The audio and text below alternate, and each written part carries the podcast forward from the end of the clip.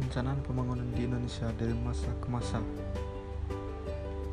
Rencana pembangunan Orde Lama pada masa Orde Lama atau era Presiden Soekarno, strategi pembangunan didasarkan perencanaan pembangunan lebih menekan pada usaha pembangunan politik.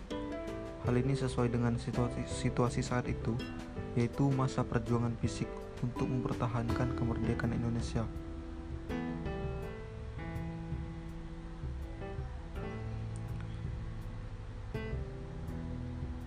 Rencana pembangunan lima tahun atau Revelita era Orde Baru. Di awal kekuasaannya, pemerintah Orde Baru mewarisi kemerosotan ekonomi yang ditinggalkan oleh pemerintahan sebelumnya. Kemerosotan ekonomi ini ditandai oleh rendahnya pendapatan per kapita penduduk Indonesia yang hanya mencapai 70 dolar as tingginya inflasi yang mencapai 60 65% serta hancurnya sarana-sarana ekonomi akibat konflik yang terjadi di akhir pemerintahan Soekarno. Untuk mengatasi kemerosotan ini pemerintah Orde Baru membuat program jangka pendek yang diarahkan kepada pengendalian inflasi dan usaha rehabilitasi rehabilitasi sarana ekonomi peningkatan kegiatan ekonomi dan pencukupan kebutuhan sandang.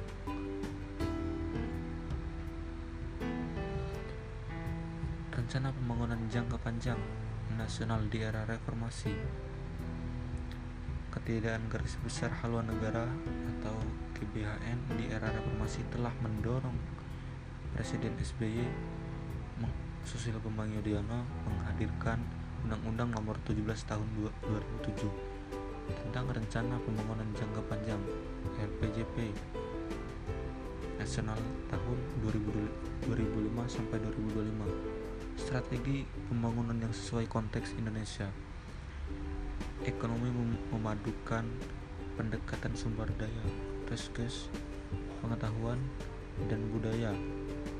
Pertumbuhan ekonomi yang dianut adalah pertumbuhan disertai pemerataan growth with equality agar benar-benar membawa rasa adil ekonomi dalam negeri yang berdimensi kewilayahan daerah-daerah menjadi kekuatan ekonomi lokal dengan strategi pro pertumbuhan, pro lapangan kerja, pro rakyat miskin, dan pro lingkungan diletakkan dalam kerangka pembangunan nasional